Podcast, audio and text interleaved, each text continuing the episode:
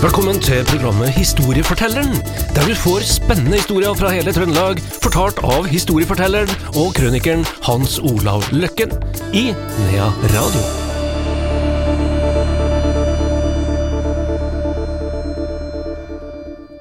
Da er Nea Radio klar med en eh, jeg nesten si, ny sesong med Historiefortelleren. Velkommen til deg, Hans Olav Løkken. Jo, takk. takk. Alltid trivelig, og eh, jeg gleder meg til nye historier, da. Ja. Du skal starte litt eh, hardt og brått og litt brutalt i dag. Eh, eh, Krimen Bestalitatis. ja, det høres fint ut. Ja, det høres litt vanskelig ut òg. Ja, og da er det sikkert noe veldig flott, men det er det ikke. Nei. Det er en abnormitet. Det er den, skal vi si, forbrytelsen, da, i gåseøyne, som har blitt fått den herre tittelen crimen bestalitatis. Du har gjort noe galt nå, og du har Det kommer eh, i og for seg via svenske tidlag. Eh, det er fra Sverige. Vi har eh, mesteparten av det vi skal prate om nå. Vi er jo enige om at vi skal ha tilknytning til Trøndelag, det ligger jo i programmets uh, tittel. Men av og til så har vi jo beveget oss til prærien i Amerika, og vi har beveget oss også i Sverige, og vi skal også i dag bevege oss eh, i eh, Østersundstraktene for det meste, og litt, eh, men det er det samme som skjedde på norsk side. Og den her prosessen, tidlag, det vil altså si at, eh, eller tydelag, da, at det er en menneskets utuktige omgang med dyr. Og det kommer seg vel antagelig fra noen dialekter i Sverige, det her med å tyse til noen. Og underforstått dyrisk, da. Og vi vet jo at det er jo ikke bare et svensk fenomen. Nei, det er eh, faktisk talt over hele verden. Det er i alle kulturer, i alle religioner, og derfor så sier ekspertene da, med Umeå universitet, hvor jeg har fått alle data fra, de sier jo det at det her har fulgt menneskeenheten gjennom alle tusenvis av år. Og, men det må jo ligge noe bak, og vi skal da se litt på dette her. Og jeg har lyst til å begynne med historie, og så kan jeg avslutte med historie, for det forteller litt om hva som skjedde. Og vi skal begynne da i 1721. Da er det en 19-årig tjenestegud som heter Per Madsson, som eh, ja, hadde seg en omgang med en okse ute på et jorde ved siden av ei mølle i en spesiell kommune. Eh, Han ble beskua, og det vitnet det rapporterte det til mølleieren. Mølleieren fortalte til kjerringa. De var meget eh, underlagt presteskapet. De, eh, på den tida så måtte de rapportere. Det var nesten som en slags eh, jobb å rapportere ting og det unormale i samfunnet. Så de rapporterte til kirka, og kirka til lensmannen, og, og han ble jo arrestert. Og ble jo konfrontert med hva han har gjort med den herre oksen. Og eh, han eh, som da forhørte den, da, han eh, satte jo øynene inn, vet du, stakkars gutten, og gutten ble jo redd, og la fram alt i detaljer.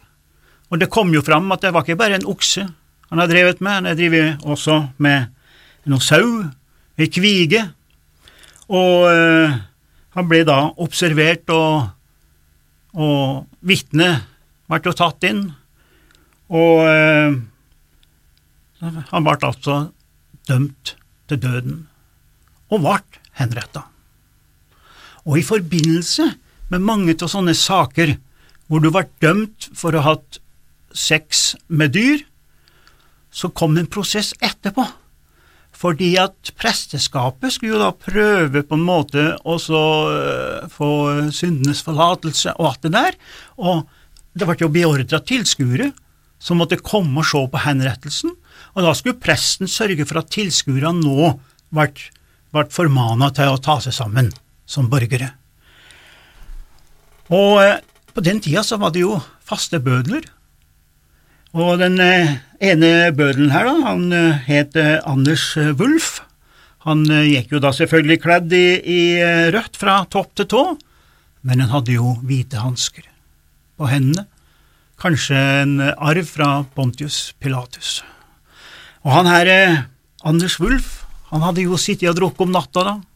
Og om eh, morgenen, dagen, altså den dagen han skulle foreta henrettelsen, så gikk han rundt i bygda og tok til seg lønna. Og lønna, det var ofte mat og brennevin. Og han ble fullere og fullere og fullere. Så når han kom til skafottet, så måtte han ha hjelp for å komme seg opp, og da skjønner jo alle hva som skjedde.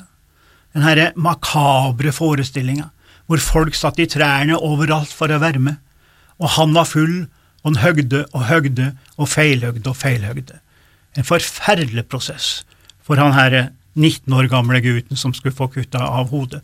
Ja, til slutt så tok bødelen og saga av han herre hodet på han herre 19-åringen.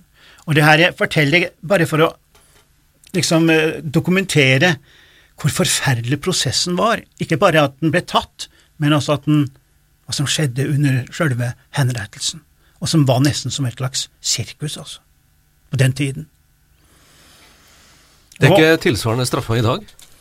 Hva sa du? Det er ikke tilsvarende straff i dag for samme forbrytelse, Nei, for å kalle det, det er ikke for det, samme men- abnormitet. Nei, det, men, eh, men hvis du får et stempel, så er jo det straff nok. Her. Og eh, det som skiller det moderne rettsvesenet i dag fra det før, var jo at i disse prosessene her, hvor de henretta altså over 700 stykker, det var jo at det var ikke alltid dokumentert, det var ikke noe bevis. Det var nok at eh, du så at det gikk mannespor inn i fjøset så ble det altså folk henrettet. Det er ikke noe jeg har funnet på dette her. Han har det altså fra, fra det her doktoravhandlingene ved universitetet i Umeå. Og bare mellom eh, 1751 og 1776 var det jo henrettet 151 personer eh, da, i noen få kommuner. Og det er det som gjør den saken her så interessant. Det her var ikke noe som skjedde eller det gjorde jo det over hele landet, over Norge, Norge men i Norge ble det tona kanskje litt mer ned. Det var, skjedde selvfølgelig også over hele Sverige, men 90% av alt skjer i bare noen få kommuner i Midt-Sverige. Det er spesielt. Det er spesielt, det. Og derfor så har vi jo da prøvd å finne ut, og dette er kommuner som er våre vennskapskommuner her i Trøndelag, bare for å ha sagt det, da. Men eh, vi må jo da bare si med en gang at det her er jo prosesser på 1600-tallet. Da var området norsk Ja, en del av det, så, så vi møter oss sjøl i døra litt der. Da, men eh, så er jo spørsmålet hvorfor gjorde man det her, da? Ikke sant? Og det er jo klart det at det var jo en, en, en måte eh, for makta å, å, å kanskje kontrollere befolkningen på. Det har vel ligget der hele tiden en slags noen ambisjoner som bare vokser og vokser og vokser. Her. Og man, man brukte skremsel. Og når du snakker om makta, så sier du noe egentlig kirka? Kirka, ja. Det var nok det. Og vi vet jo at det gikk ut eh, påbud fra biskopen i Uppsala til kirkeherdene, altså til prestene, om at de måtte sørge for at de var ikke mannfolk som eh, drev med fjøsstell. Og der kom budeia inn i bildet på 1600-tallet. Altså at det var, skulle bli et kvinnfolkarbeid, hvis du skjønner hva jeg mener. For også å prøve å unngå det her, da. Og eh, jeg må ta en historie til, for å liksom eh, fortelle hvor- fælt det kunne være, altså, og hvor det tar av. Og da skal vi eh, til 1675, da, ved Sidensjø. Da, det er en eh, i Åkermannsland, da. Der er det en, en tjenestepie, tjenestejente, som heter Marit Nilsdatter. Hun var tjeneste hos en bonde da, som heter Erik Johnsen. Og en dag så ser hun at husbondens egen sønn, han Johan, har hatt samleie med ei geit i fjøset. Og hun kjente sin plikt, så hun øh, visste hva hun skulle gjøre for å behage Gud, og øh, hun dro da til de voksne. Presten ble kontakta, lensmannen ble kontakta, og man satte i gang da i en kolossal prosess. Og det her er jo da samtidig som trolldomsprosessene pågår, altså hekseprosessene pågår, men som jeg ser dem skrive opp i Umeå, så sier de at hekseprosessene var som en søndagsskole i forhold til de prosessene her. Så det var noe makabre ting som skjedde da. Og eh, det ble jo en sak, da.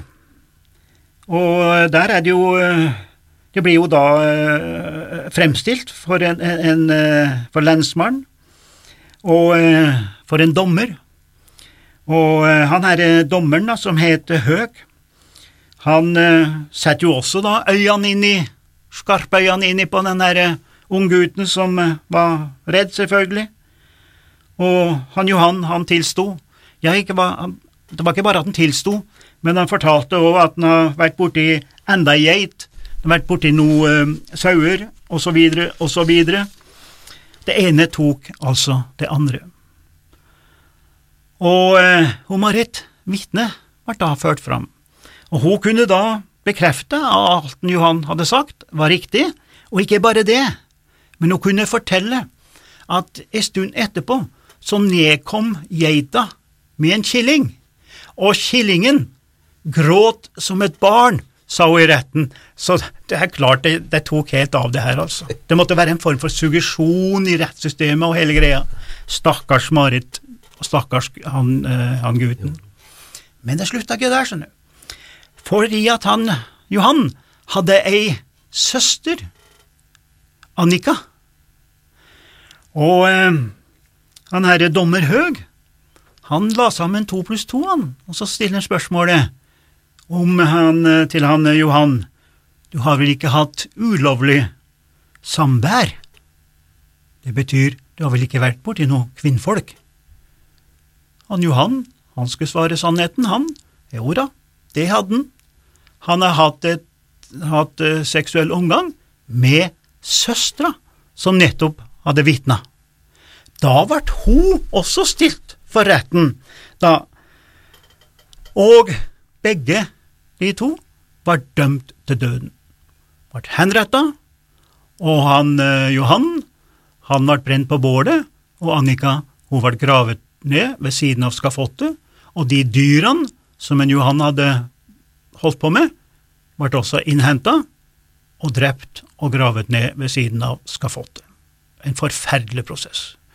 Og eh, for å avslutte det her, så eh, Jeg har jo snakka med med en del folk som kan litt om sånne ting.